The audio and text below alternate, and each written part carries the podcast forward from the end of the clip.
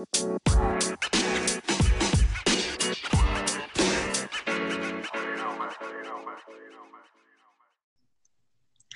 semuanya, balik lagi sama dua anak rantau.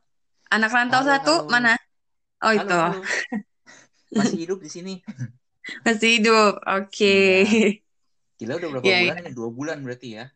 Iya, kita dua bulan work from home, kita dua bulan eh, isolasi mandiri, padahal nggak kenapa-napa, tapi ini wujud dukungan kita ke sistem kesehatan di Swedia, biar nggak overwhelm, biar nggak eh, apa ya, biar overwhelm tuh apa sih bahasa Indonesianya? Biar nggak Eh, membelgar. mem- biar nggak membebani gitu loh maksudnya Mhm. Biar Iya, nggak nggak mm-mm. Mhm. Tapi Eh, tahu gak yang jadi penting apa, Kon? apa Ini episode kita yang ke-10 loh. Yeay, akhirnya ya si Iya. podcast terbatas ini podcast terbatas karena terbatas sama tingkat kemalasan kita kalau males ya nggak bikin Iya, makanya. Gila udah dua digit Mm-mm. sekarang. Padahal baru 10 ya. asik Oke lah ya. asik iya Aduh. Tapi nggak nyangka kita mau ya ngomong. Mhm. Iya, gak nyangka banget. Mm-mm.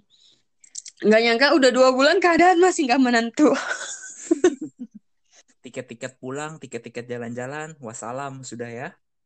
iya kantor gua Mhm. bukanya kapan aja nggak tahu gitu Oh, kalau kantor gue tuh lah, ini sekarang Mm-mm. corona kita nggak boleh ke kantor. Tapi masalahnya kita gak kan kantor tuh ada dua sekarang. Yang pertama gara-gara corona, yang kedua kita baru Mm-mm. pindahan. Jadi kantor gue tuh masih Mm. dalam dus semua dong. Masih berantakan ya Iya, bahkan meja kursi Mm-mm. gak ada. Aduh, pusing juga. Iya, ini keadaan lagi nggak menentu. Terus udah kayak gitu, kita kayaknya rencana liburan ke Indonesia itu 60% batal ya. Mm-mm, Kecuali mungkin orang masih tetap mau ke Indonesia di akhir tahun, ya mungkin bisa dengan segala macam konsekuensinya. Mm-mm, Nah, karena kita jauh dari keluarga gitu kan, mhm. di keadaan yang tidak menentu ini, akhirnya kita akhirnya kita nih atau gua aja gua nggak tahu Stan kalau lu tapi dari obrolan kita kemarin sih kayaknya lu baca-baca juga Mhm, tentang hak dan kewajiban kita sebagai WNI yang berdomisili di luar Indonesia. Betul Nah, sekali. anak kita suka anaknya suka penasaran, Mhm. kita ajak nih orang yang tepat yang buat kita tanya-tanyain siapa lagi kalau bukan Pak Ernest Hadinoto. Ernest. Halo Pak Ernest. Selamat sore, apa kabar? Sore Pak Baik, Pak Ernest, kabar Ernest. baik. Terima Aman kasih terkenal. diundang. Kita yang makasih loh Pak udah bersedia. Iya. Mm-mm. Mm-mm. Nah, by the way, buat yang dengerin, Pak Ernest ini adalah bagian dari Kedutaan Besar Republik Indonesia untuk Kerajaan Swedia dan Latvia. Mungkin Pak Ernest bisa jelasin eh, background dan posisi yang sekarang di KBRI? Eh, sekarang ini eh, tugas saya di KBRI Stockholm itu adalah koordinator fungsi politik, protokol, dan konsuler. Eh, saya sudah bekerja selama tiga tahun di sini, hampir hampir tiga tahun. Eh, ini adalah penempatan saya yang ketiga setelah Jerman dan Australia, gitu kira-kira. Oh, oke. Mhm. Berarti sebelum ini di Jerman apa di Australia Pak? Di Jerman. persis. Oh Jerman, deket berarti ya Pak. Oke. Ya, nggak deket-deket juga, Ten. Lo nggak bisa ke Sandung nyampe Swedia kan? Nggak bisa. Iya sih, Glen shopping aja jauh kan ya. Mhm. Aduh. Aduh, Mhm. kayaknya tapi em, kita nih harus nanya-nanya dulu nih. eh, kalau ngomongin diaspora Indonesia di Swedia dan Latvia, karena kan posisinya Pak Ernest mencakup Swedia dan Latvia juga ya Pak ya. Ya betul. Mm-mm. Kalau ngomongin diaspora Indonesia di Swedia dan Latvia, ngomongin demografinya nih Pak, kayak penyebaran, persebaran umur itu kira-kira berapa-berapa sih Pak secara general? Eh, ya sebenarnya kan eh, lebih let's say di Swedia itu kan ada 1.370 orang Mhm. WNI. Mhm. Sedangkan di Latvia itu ada lima orang. Oke. Lima orang aja, Pak. Lima orang aja nih. Dikit ya. Dia bisa jadi Terus- boy band. Terus di Swedia itu eh, sebenarnya WNI itu tersebar di seluruh seluruh provinsi di Swedia. Jadi setiap provinsi Mm-mm. di Swedia pasti ada orang Indonesia. Hmm, oke. Mm-mm. Dan yang terbesar itu konsentrasinya di Stockholm Mhm. dan sekitarnya, kemudian di Västra Götaland sama Skåne. Hmm, Nah itu Hmm. tiga yang paling besar lah eh, kita punya WNI dan diasporanya ada di situ. ah, oke. Eh, kalau dilihat sebenarnya banyak yang bekerja, kemudian ada ibu rumah tangga dan juga ada mahasiswa Mhm. yang sedang kuliah di sini. Iya. Kayak Stanley tuh ya, tadinya mahasiswa, terus sekarang bekerja. Nggak tahu nanti jadi ibu rumah tangga apa enggak ya. Iya. Jadi simpen ntar. Enggak. Simpan deposito Iya. kali. Aduh. Tapi berarti yang 1370 itu udah termasuk eh, mahasiswa yang kadang datang kadang keluar itu ya, Pak? Iya betul. Oh, Eh, sampai sejauh ini eh, se- 1370 itu termasuk dengan mahasiswa. Hmm. Memang setiap hari masih kita coba update karena saya juga tahu masih ada yang belum lapor diri. aha. Nah, Oh, belum? nih yang dengerin lapor diri. Iya. Siapa yang belum? Mm-mm. Iya sebenarnya kapor dingin diri itu kan cepet ya. Cuman datang Iya. atau enggak kita kalau mau kirim terus udah deh di stempel Iya. selesai. Dan sebenarnya lapor diri itu banyak manfaatnya juga kan ya. Jadi update semua informasi, terus kalau ada apa-apa juga KBRI jadi tahu posisi kita di mana gitu kan.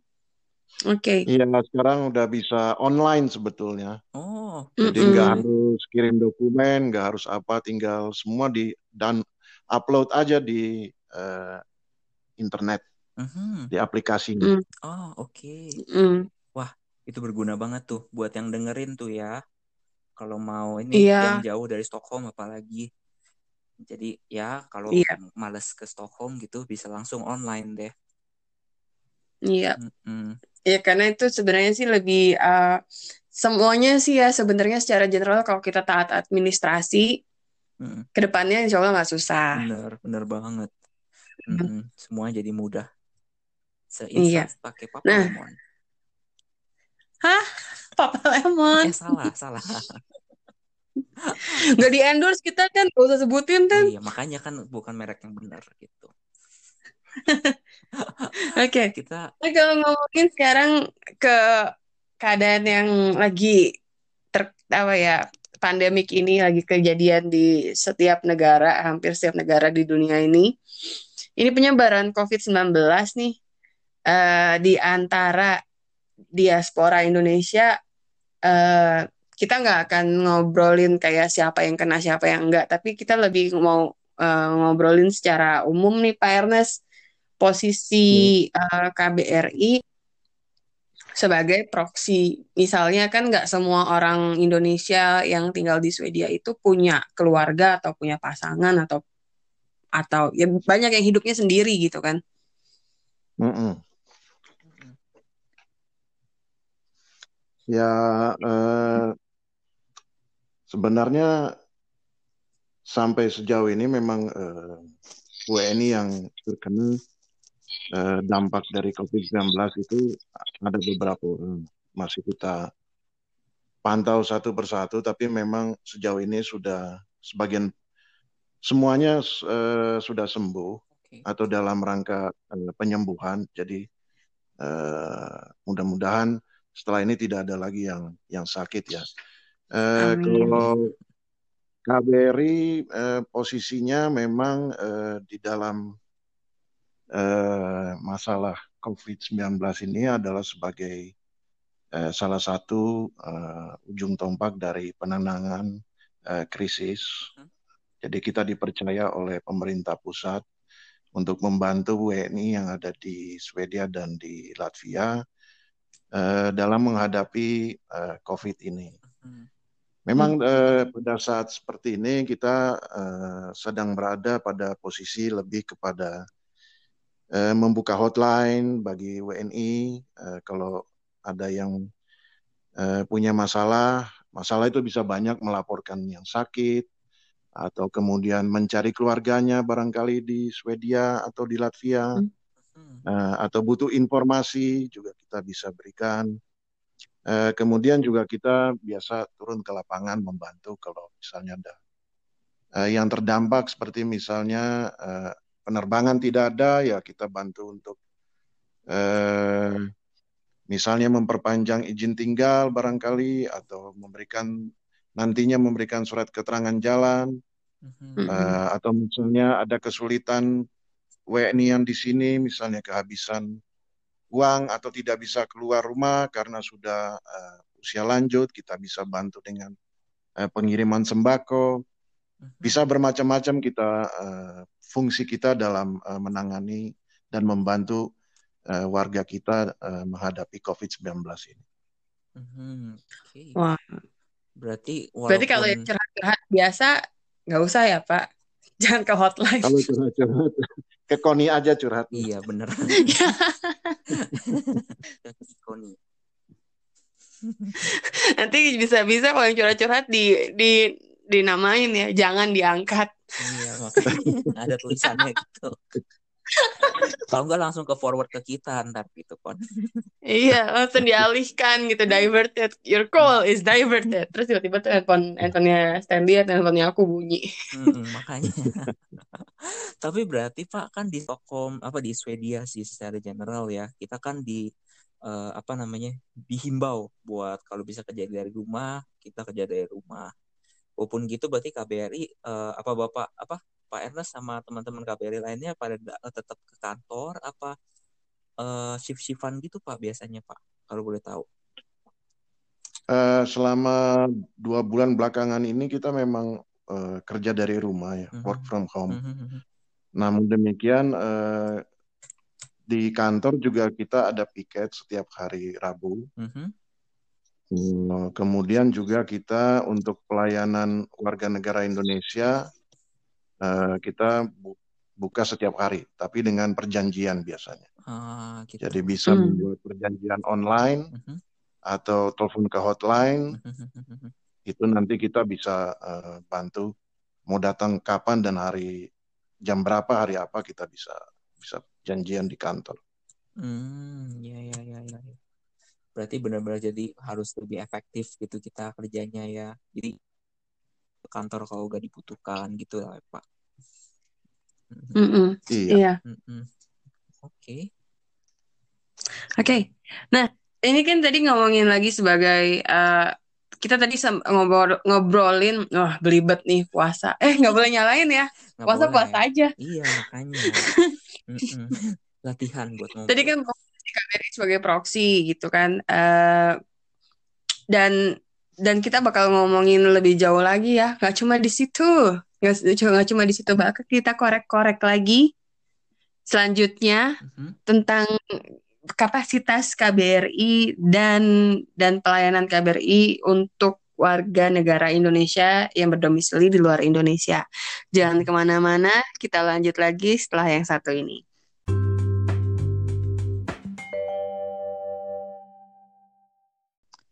Oke, balik lagi di dua anak rantau segmen dua. Mm -mm. Mm. Tadi kan kita udah ngobrolin ya Stanley ya, ngobrolin mm -mm. soal KBRI, ada Pak Ernest di sini sama kita. Mm -mm. Terus kita ngomongin tentang ya di apa kondisi di KBRI Swedia apa KBRI Kerajaan Swedia dan juga Latvia itu kira-kira demografinya gimana, kita berapa banyak mm -hmm. orang Indo di sini gitu ternyata iya. banyak ya. juga ya dulu padahal pas gue mau pindah ke Swedia tuh ya kon gue pikir paling hmm. orang Indo di sini cuma berapa ratus sih ternyata udah ribuan iya dan gue juga lumayan kaget sih ternyata banyak ya uh, hmm. karena waktu kan sebelum tinggal di Swedia gue sempat tinggal di Finland dan di Finland hmm. jumlahnya jauh lebih sedikit daripada di di Swedia tapi hmm. by all means uh, it's not a surprise if we do by math gitu karena kan hmm Swedia itu negara dengan populasi paling besar di di uh, di Nordik ya. Mm-mm, benar. dan ekonominya juga paling besar uh, di, di dibandingkan dengan negara Nordik lainnya. Jadi ya mm-hmm. paling apa orang asingnya pun lebih banyak persentasinya dibanding dengan negara Nordik lainnya. Jadi ya nggak surprise sebenarnya kalau lihat dari angka-angka tersebut. Mm-hmm. Oke. Okay. Juga kayak Stockholm juga kan tagline-nya Capital of Scandinavia gitu kan. Katanya. Katanya. Sekarang jadi capital of COVID in Scandinavia juga. Red zone, ya kan? Mm. Nah, oke kita balik lagi. Uh, kita, uh, oke okay, Pak Ernest, kita penasaran nih, kalau misalnya kayak um, kayak kita nih sebagai WNI di luar negeri itu, misalnya ada krisis gitu tuh biasanya ada protokol-protokol gimana gak sih Pak untuk apa kayak untuk WNI WNI ini gitu? Apa tunggu sampai gimana? Apa kayak kemarin di apa namanya kayak di Wuhan gitu kan sempat gawat waktu itu jadi kayak KBRI turun segala macam kalau kalau apa protokol in general gimana tuh pak? Iya untuk perlindungan WNI ya ya memang setiap perwakilan pada dasarnya mempunyai yang namanya rencana kontingensi atau contingency plan. Eh, jadi di KBRI Stockholm kita juga memiliki yang namanya rencana kontingensi. Eh, pada saat ini memang eh, rencana kontingensi itu eh, kita lebih banyak eh, membuat katakanlah laporan harian, update perkembangan eh, yang terjadi di Swedia, Latvia kita sampaikan ke eh, pemerintah pusat, Eh, kemudian perkembangan dengan apa yang terjadi dengan WNI kita sampaikan juga ke sana. Kemudian juga seraya itu kita melakukan pendataan terus-menerus terhadap para WNI yang ada di sini. Nah, kemudian juga kita monitor teman-teman uh, di sini. Kalau misalnya ada yang uh, mengalami kesulitan, uh, ya kesulitan bisa bermacam-macam, atau misalnya uh, mengalami sakit karena COVID ini. Kita juga selain itu membuat himbauan, kemudian juga memberikan informasi. Sudah beberapa kali kita membuat himbauan uh, melalui media sosial dan juga website. Kemudian juga kita secara rutin membuat yang namanya bincang virtual KBRI di aplikasi Zoom.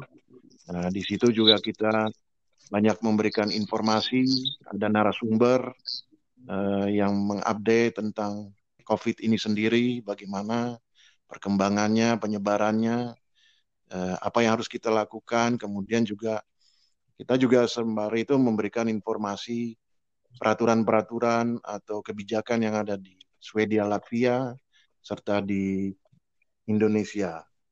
Uh, ya, yang paling utama memang kita memberikan hotline itu yang paling di depan sehingga kalau ada permasalahan uh, kita siap 24/7. Jadi 24 hmm. jam 7 hari kita hmm. siap kalau ada yang memerlukan bantuan atau informasi kita selalu standby untuk itu. Jadi sementara okay. ini itu, tapi memang yang namanya contingency plan itu itu terbagi tiga, entah siaga satu, eh siaga tiga, siaga dua, dan siaga satu. Uh, jadi memang ada tahapannya untuk uh, kondisi yang berkembang gitu. Mm-hmm. Siaga itu. Tapi paling... maksudnya kalau ngomongin uh, krisis ya, kan nggak cuma pandemik aja ya Pak. Ada ya. macam-macam. Dari mulai kayak terorisme, bencana alam. Nah itu kalau ada ininya nggak sih Pak? Kayak juklaknya gitu loh. Kayak uh, dari si contingency plan itu bisa di share nggak? Uh, apa ya? Misalnya kalau keadaan seperti seki, uh, A gitu. Berarti ini ini ini harus dilakukan. Oh, pasti ada, ada jadi hmm, setiap uh, keadaan yang namanya bencana atau pandemik atau misalnya perang ancaman terorisme itu pasti ada contingency plan-nya masing-masing ya dan itu semua sudah ada langkahnya masing-masing. Pada ujungnya memang eh, di siaga tiga, eh, siaga satu itu akan berakhir di eh, kalau memang diperlukan akan berakhir di evakuasi. Hmm. Iya, ya. Karena Jadi itu uh, seperti di sorry, Wuhan Pak. itu kan memang terjadi evakuasi ya. Eh, kemudian Mm-mm. evakuasi juga tidak hanya di Wuhan, tapi juga ada misalnya evakuasi anak buah kapal seperti di Iya. kapal Diamond Princess atau World Dream, atau misalnya juga evakuasi dari tahanan di Iran itu juga eh, pernah dilakukan oleh perwakilan kita di luar negeri bekerja sama dengan pemerintah pusat. Gitu. Mm-mm. Iya. gitu. Oke. Wow. Hmm, Benar-benar ini. Mudah-mudahan nggak ada satupun dari kita yang yang yang terjebak masalah ini ya, yang membutuhkan Mudah-mudahan. pelayanan yang satu itu. Iya. Iya. Itu benar last resort lah ya. Mudah-mudahan jangan sampai kita. Mm-mm. Mhm. Cuman kalau ini Pak, kayak kemarin itu kan mungkin ada turis sebelum apa outbreak ini tuh turis ada gak sih Pak kayak turis-turis Indonesia yang tiba-tiba minta bantuan dari di Swedia yang stuck di Swedia atau Latvia misalnya gitu. Itu mereka gimana tuh Pak? Ya, eh, sebelumnya mungkin saya perlu juga sampaikan bahwa memang eh, sejak pertengahan Maret tahun ini, eh, itu turis atau wisatawan Indonesia itu sudah diminta pulang Hmm. untuk mengantisipasi biasanya lockdown di berbagai negara. Jadi pemerintah pusat dalam hal ini Kementerian Luar Negeri sudah meminta seluruh WNI yang ada di luar negeri yang sedang berwisata untuk eh, segera pulang. Nah, kebetulan eh, pada akhir bulan Maret memang ada dua WNI di yang lagi berwisata di Eropa, kemudian datang ke eh, Swedia. Itu juga sudah kita bantu, kita sarankan untuk eh, segera pulang karena pada saat itu memang eh, berbagai negara di Eropa itu sudah mulai memasuki eh, peraturan-peraturan lockdown. Gitu. Jadi kita takutkan nanti eh, orang ini ter- tidak bisa pulang ke Indonesia dan eh, tentunya akan mengalami masalah ya karena di Eropa ini kan kebijakannya berbeda-beda gitu. Mhm. Ada yang sama sekali Hmm. yang benar-benar ditutup sehingga dia tidak bisa keluar rumah, tapi ada juga yang yang semi bebas seperti di Swedia ini. Mhm. Eh, kemudian juga Hmm. ada satu orang yang eh, stranded karena eh, visanya overstay, kemudian juga kita bantu untuk eh, pulang ke Indonesia. Alhamdulillah Hmm. sudah sampai di Indonesia kemarin. Oke, wah bagus Oke. banget. Oke. Kalau eh, itu kan tadi yang stranded kan overstay ya Pak ya. Karena sebenarnya di Swedia nggak kayak di negara lain yang memberikan kelonggaran ya karena ada pandemik ini. Kalau di Swedia nggak ada kelonggaran visa ya Pak. Nggak ada, nggak ada sampai setahu ini. Mm-mm. Kalau memang visanya sudah mau berakhir ya bisa diperpanjang online lah di websitenya Mm-mm. Migration Verket atau keimigrasian Mhm. Swedia itu bisa diperpanjang. Mhm. Oke. Nah ini eh, ke- tadi kan kita ngomong yang orang-orang Indonesia dihimbau untuk pulang, eh, yang turis ya. Kalau yang punya residence permit eh, mau pulang ke Indonesia for good gitu, misalnya mahasiswa udah lulus gitu Pak, atau atau orang yang kontraknya sudah habis ya, atau basically orang-orang Indonesia yang mau eh, pulang ke Indonesia, ada ini nggak sih Pak protokolnya untuk karantina atau isolasi bagaimana ketika nyampe di Indonesia, atau ada aturan-aturan yang harus dipenuhi sebelum naik ke pesawat gitu? Ya eh, memang cukup cukup banyak sebenarnya untuk eh, urusan pulang ya dan eh, saya juga tahu bahwa teman-teman banyak yang akan pulang akhir Mei, Mhm. eh, Juni awal, Juni tengah itu pasti banyak yang yang mau pulang karena sudah habis ya. Eh, Mm-mm. kuliahnya udah selesai. Eh, yang pertama tentunya eh, yang harus dilakukan eh, adalah memiliki surat keterangan jalan. Jadi tergantung nih, karena kan di Indonesia sekarang ada yang namanya PSBB nih.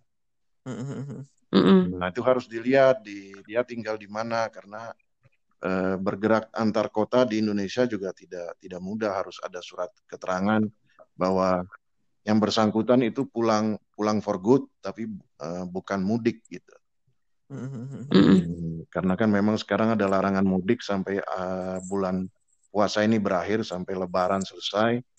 Uh, itu pemerintah melarang mudik. Nah dalam rangka ini karena teman-teman banyak yang pulang uh, biasanya kita uh, meminta teman-teman untuk uh, melaporkan diri ke KBRI. Nanti kita akan berikan surat keterangan jalan uh, supaya nanti di Indonesia bisa lancar sampai uh, Jakarta, sampai ke tempat tujuan lah tempat tinggal. Di luar mm -hmm. itu uh, juga memang sekarang ini pemerintah uh, mensyaratkan bahwa harus ada yang namanya surat keterangan dokter. Nah, surat keterangan dokter sekarang ini yaitu harus uh, ada uji yang namanya uh, swab test. Jadi setiap WNI yang mau pulang harus pergi uh, ke dokter atau klinik untuk uh, atau rumah sakit untuk swab test. Nah, hasil swab test itulah yang nanti akan di uh, Swab testnya itu dalam bahasa Inggris nanti uh, keterangannya kemudian harus berlaku uh, minimal tujuh hari sebelum tiba di uh, Indonesia gitu. Nah itu hmm. Yang diperlukan untuk pulang ke Indonesia. Uh, tentunya di luar itu juga perlu membawa masker. Karena uh, di masa pan, uh, PSBB itu diwajibkan memakai masker di di Indonesia. Uh, yang bisa saya yang sampaikan bisa saya yang lain mungkin juga perlu mengecek semua maskapai. Karena ada beberapa juga yang awalnya kita booking kemudian mendadak cancel. Itu juga perlu selalu dicek kemudian juga eh, sekarang ini eh, sebagian besar maskapai juga meminta penumpangnya untuk mengisi yang namanya kan kartu kendali kesehatan Uh, jadi dalam mm -hmm. dua minggu terakhir ini uh, ada masalah kesehatan enggak atau misalnya uh, pernah pergi ke mana gitu itu harus diisi sebelum uh, bepergian naik pesawat.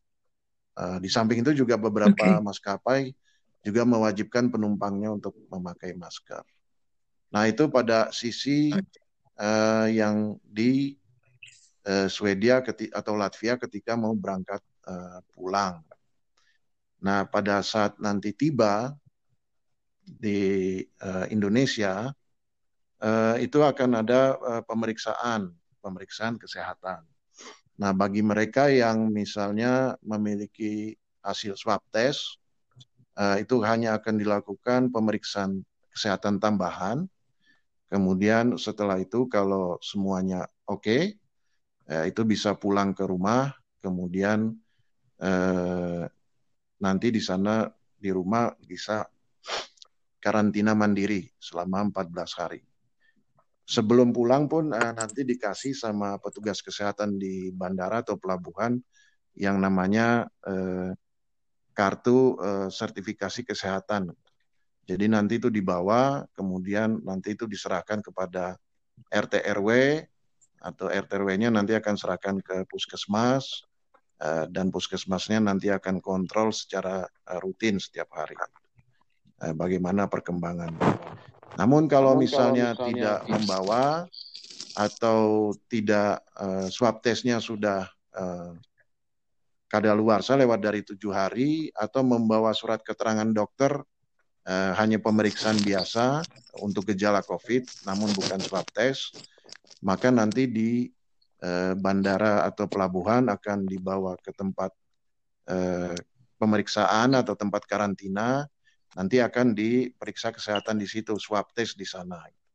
Kalau misalnya swab test di situ negatif, eh, maka nanti akan eh, diberikan lagi surat eh, eh, apa namanya eh, keterangan sehat dari dokter yang di atau petugas yang ada di sana, kemudian akan diminta dipersilakan pulang tapi seperti yang tadi uh, diharuskan lapor ke RT RW dan uh, karantina mandiri selama 14 hari.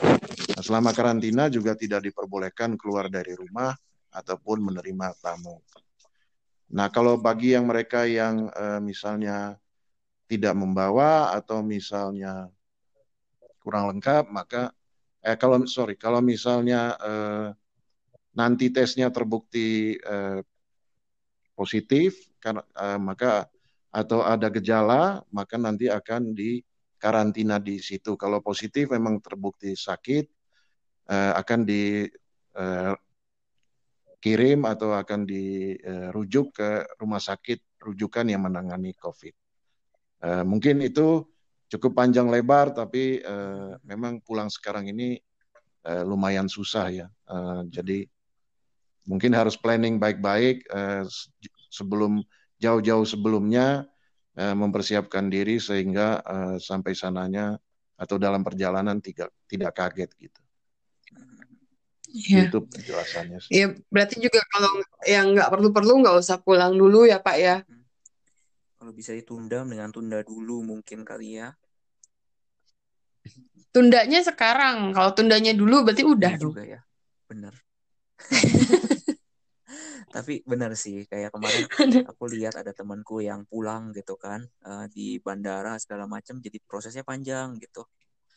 Makanya kayak ya berpikirlah dahulu sebelum kita mau pergi-pergi lah ya sekarang-sekarang ini mah. Mm -mm. Tapi ini sih uh, heads off ya hmm. sebenarnya hmm. untuk mekanisme kepulangan hmm. ini hmm. untuk pemerintah Indonesia karena kalau kita lihat di sini ya mungkin yang di Indonesia nggak begitu familiar tapi ya untuk yang di Swedia tuh kita tahu namanya orang datang ke Swedia tuh nggak ada nggak ada karantina maksudnya semuanya tuh untuk semuanya terserah pribadi masing-masing tapi nggak ada nggak ada mekanisme untuk yang diatur oleh pemerintah gitu loh. Nggak nggak butuh surat ini itu nggak butuh nggak butuh apa namanya swab test. Dan swab test di sini nggak ada juga kan ya? Iya iya sejauh ini memang di Swedia nggak ada yang namanya swab test kecuali bagi mereka yang eh, benar-benar sakit ada gejala COVID baru iya. ada tes iya kalau sehat okay. udah iya jadi yang dibutuhin adalah surat keterangan kesehatan ya pak yang yang bisa bisa uh, meng apa ya merekam jejak dari masalah-masalah kesehatan dia yang berkaitan dengan COVID ya. Berarti kalau masalah keuangan nggak usah diceritain, masalah kesehatannya aja. Oke, uh, kalau gitu um, kita juga penasaran nih Pak. Kalau misalnya kayak KBRI KBRI di kan kita kalau misalnya Eropa itu mereka punya Uni Eropa. Itu kalau KBRI KBRI itu ngikut gitu gak sih Pak? Misalnya Eropa jadi KBRI KBRI Uni Eropa punya kelompok sendiri terus Amerika Utara ada sendiri Selatan ada sendiri gitu. Atau semuanya tuh jalan secara bersama-sama secara global gitu Pak? KBRI KBRI ini buat masalah ini ada sharing nggak sih Pak gitu Pak kalau lagi kayak gini ada dong, kan kita biasa kalau sharing-sharing sih. Mm-hmm. Uh, mm-hmm. Kalau uh, semua perwakilan di seluruh dunia itu, uh, kita semua tergabung dalam satu grup, jadi nggak nggak pisah-pisah sih sebenarnya. Uh, supaya infonya itu bisa kita dapat secara keseluruhan gitu. Uh, kita punya grup uh, WA untuk koordinasi. Uh, sebenarnya grup WA-nya itu ada ada tiga sebetulnya. Yang satu grupnya itu untuk uh, khusus penanganan COVID. Itu lebih banyak berisi tentang update, kemudian perkembangan, uh, kemudian misalnya ada yang uh, memiliki masalah WNI atau uh, perkembangan lain dari kebijakan pemerintah setempat masing-masing atau kebijakan pemerintah Indonesia itu semuanya kita share di situ. Uh, kita sering saling koordinasi antara perwakilan dengan Kementerian Luar Negeri. Kemudian kita juga punya grup untuk masalah masalah-masalah kekonsuleran dan keimigrasian. Apabila nanti perlu bantuan, misalnya ada, ada yang perlu perpanjang paspor, perpanjang izin tinggal, uh, dan lain-lain sebagainya. Itu juga kita punya grup. Nah, itu juga berjalan terus 24/7 dan kita selalu share-share informasi dan biasanya kalau ada emergency kita bisa langsung telepon sesama teman-teman atau misalnya uh, teman-teman yang ada di Jakarta uh, untuk koordinasi lebih lanjut gitu. Hmm. Kalau untuk sharing-sharing kayak gini berarti sifatnya lebih apa ya impromptu ya Pak ya, real time gitu ya. Um, karena kan di grup WA nih mungkin kalau misalnya ada perwakilan misalnya yang di Spanyol uh, ada dengar dari pemerintah Spanyol begini begitu gitu ya mungkin mereka share gitu ya Pak iya betul ke grup uh -uh, jadi kita juga oh. katakanlah misalnya kita punya satu uh, teman WNI yang di Swedia barangkali turis ya terus mau pulang ke mm -hmm. Indonesia tapi kan uh, biasanya kan harus transit kalau dari Swedia tuh mm -hmm. Benar Nah, hmm. karena uh, kita punya teman yang ada di Den Haag dan dia banyak share juga di grup-grup. Uh, nah, di situ kita sudah bisa baca, oke okay, peraturan yang ada di Belanda tuh seperti ini gitu. Jadi kita juga bisa kasih tahu teman-teman kita yang mau transit di Amsterdam. Uh, nah, ini nanti di Belanda peraturannya seperti ini, jadi harus juga uh, diingat, kamu patuhi bahwa aturannya seperti itu gitu. Jadi memang ada eh, sharing-sharing itu juga berguna bagi kita. Misalnya katakanlah ada penutupan perbatasan di Denmark, di Norwegia, itu juga kita bisa uh, dapat dari teman-teman kita yang ada di grup. Oke. Okay. Jadi tahu semuanya. Oke. Okay.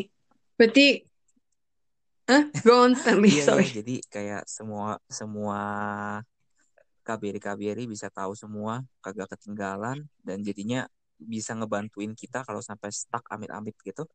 Bisa langsung dibantu nggak mesti eh tunggu dulu mesti nanya ke sini nanya ke sana gitu kan. Mm-mm. keren lah oke. Okay.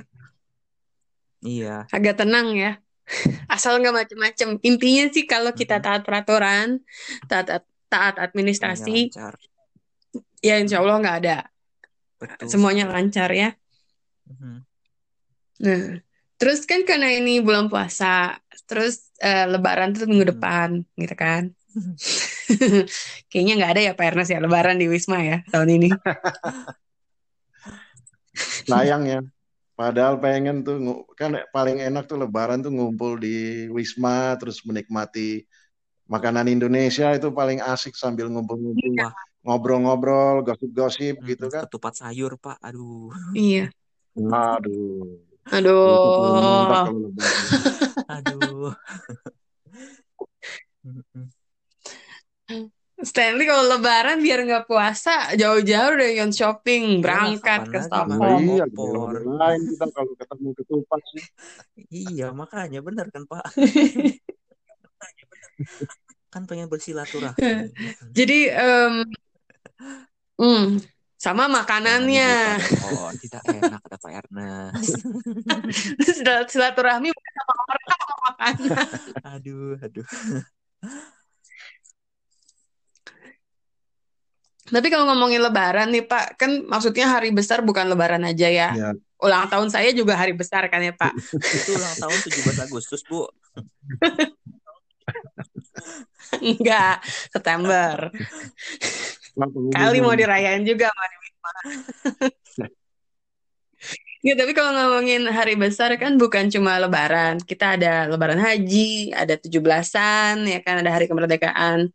Itu eh, ada perubahan protokol nggak sih Pak so far sampai sekarang untuk perayaan hari-hari besar di Wisma Duta?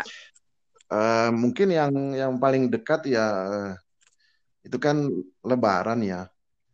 Nah, uh, pada saat ini sementara ini memang uh, lebarannya barangkali kita dengan Zoom. Hmm. Jadi makan ketupatnya di rumah masing-masing jadinya ujungnya. Kirain ya, makanannya ntar dikirim, aduh. Yang ngirim ke yang agak susah. Waduh. kita deket kok pak cuman Nah, deket ya. iya satu bus away one bus away Satu ya one bus Iya. right away ya tapi one Ya bus karena memang kan eh, Wisma itu kan juga ruangannya kan tidak tidak besar ya. Sementara kalau masyarakat berkumpul, kemudian katakanlah cuacanya agak dingin barangkali atau hujan, kan harus di dalam tuh. Nah. Kalau ya kita kebayang aja kalau misalnya semuanya ngumpul di satu dua ruangan, ya otomatis protokol COVID-nya juga nggak kita penuhi gitu. Di luar itu juga memang kan aturan pemerintah Swedia adalah eh, di bawah 50 orang ya. Jadi maksimal mungkin 49 orang. Mhm. Sementara kan kita Iya. tahu setiap kali ada seperti lebaran ini masyarakat kita ya pasti akan ada di atas 50 itu bisa 100, 200 atau bahkan 300, 400 orang gitu. Jadi Iya. Itu sudah pasti kita tidak bisa memenuhi protokol COVID yang dari eh, Swedianya sendiri juga. gitu. Mm-mm. Belum lagi kita juga di Wisma karena ruang tempatnya nggak terlalu luas, ya namanya rumah gitu kan. Ya otomatis physical distancingnya juga nggak ada gitu ujungnya. Mhm. Ya, kita makan aja bisa dempet-dempetan gitu. Jadi eh, itu juga eh, agak berbahaya terutama karena sebagian dari diaspora atau WNI kita kan juga sudah lanjut usia ya. Dan. Iya. kalau seperti itu kita malah membuat mereka jadi eh, memiliki risiko yang cukup besar lah kalau mereka datang dan ngumpul gitu. Jadi memang untuk eh, untuk beberapa perayaan hari na- hari besar atau eh, beragama ataupun hari nasional eh, sementara ini kita memang masih kita pending ya satu dua bulan ke depan eh, kita tidak lakukan Eh, kita coba cari jalan lain melalui online seperti Zoom ini atau cara-cara lain lah sehingga kita tidak perlu eh, membawa risiko lah risiko kesehatan terhadap orang lain. Mm, benar. Iya. Hmm. Wah, sebenarnya sedih juga sih ya eh, Lebaran. Atau ini udah mulai kerasa sih maksudnya udah dua bulan kan ya kita nggak berkumpul. Udah mulai tuh eh, soalnya kalau pas sebulan dua bulan pertama tuh pasti perasaannya kayak ah nggak apa-apa kok di rumah aja ini ini ini gitu ya. Ternyata not not that bad apa segala macam tapi kalau udah inget Lebaran tuh kan pasti ngumpul ngumpulnya kan bukan cuma makan aja ya tapi makan banget. Dan dan dan ngumpul ngobrol sama yang lain. Belum sholat berjamaahnya ikutin khotbah itu banyak lah itunya. Eh, yang yang biasa kita rayakan gitu. kebiasaan yang terpotong cuma tahun gitu ini kan. ya demi iya dan itu be- emang bener sih aku juga ingat kalau eh, di Wisma tuh pasti ya padet kalau lagi Lebaran ya. Apalagi yang deket meja makan tuh di situ semua. Karena biar nambahnya gampang. Hmm. iya gitu. Ya sayang oke memang. wah. Pengen juga ngumpul-ngumpul karena eh, iya bagaimanapun juga yang namanya ketemu secara fisik kan eh, lebih enak gitu dibanding hanya ketemu di di layar gitu. Benar. Betul. iya ya memang ini sih kita gimana ya social being ya makhluk sosial jadi memang butuh interaksi sosial tapi ya ah kalau lagi kayak gini kita kayaknya Iya, hidup benar. aja dulu ya baru bersosialisasi Sosialisasi kemudian masih bisa menunggu anggapannya gitu kan. Iya.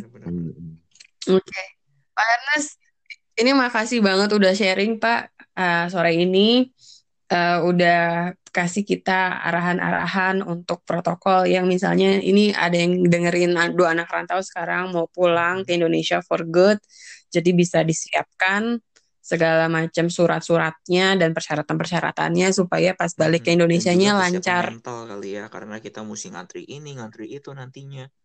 Capek loh gitu. Iya. Kayaknya sekarang kalau kita kalau normal times ya kalau eh, biasanya kan kalau mau ke airport itu kita dua jam sebelum pesawat berangkat udah harus ada di airport. Sekarang kayaknya mungkin Iya, waktunya harus benar. ditambah ya. Tiga jam, mungkin empat jam. Kalau punya anak ya mungkin dua hari Iya, sebelumnya kalau udah datang.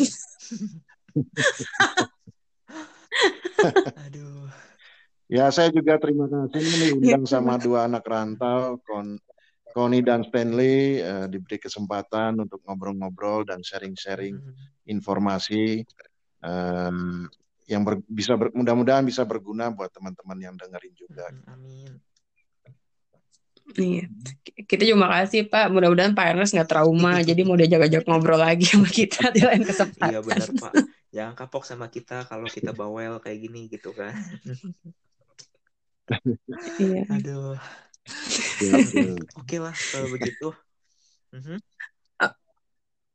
Oke, sobat anak rantau, eh, segini dulu episode kali ini. Eh, kita bakal ada episode selanjutnya yang lebih seru, yang yang bakal eh, bikin kita bertanya-tanya Mhm, kenapa benar, ini benar diobrolin. Dan pastinya ini konten yang bombastis. Wow. Wow, wow. Mhm. Makanya jangan ke mana-mana. Untuk yang episode ini kita Mhm. kita udahin dulu. Ketemu lagi sama Oke. kita di episode selanjutnya. Bye. Bye semuanya.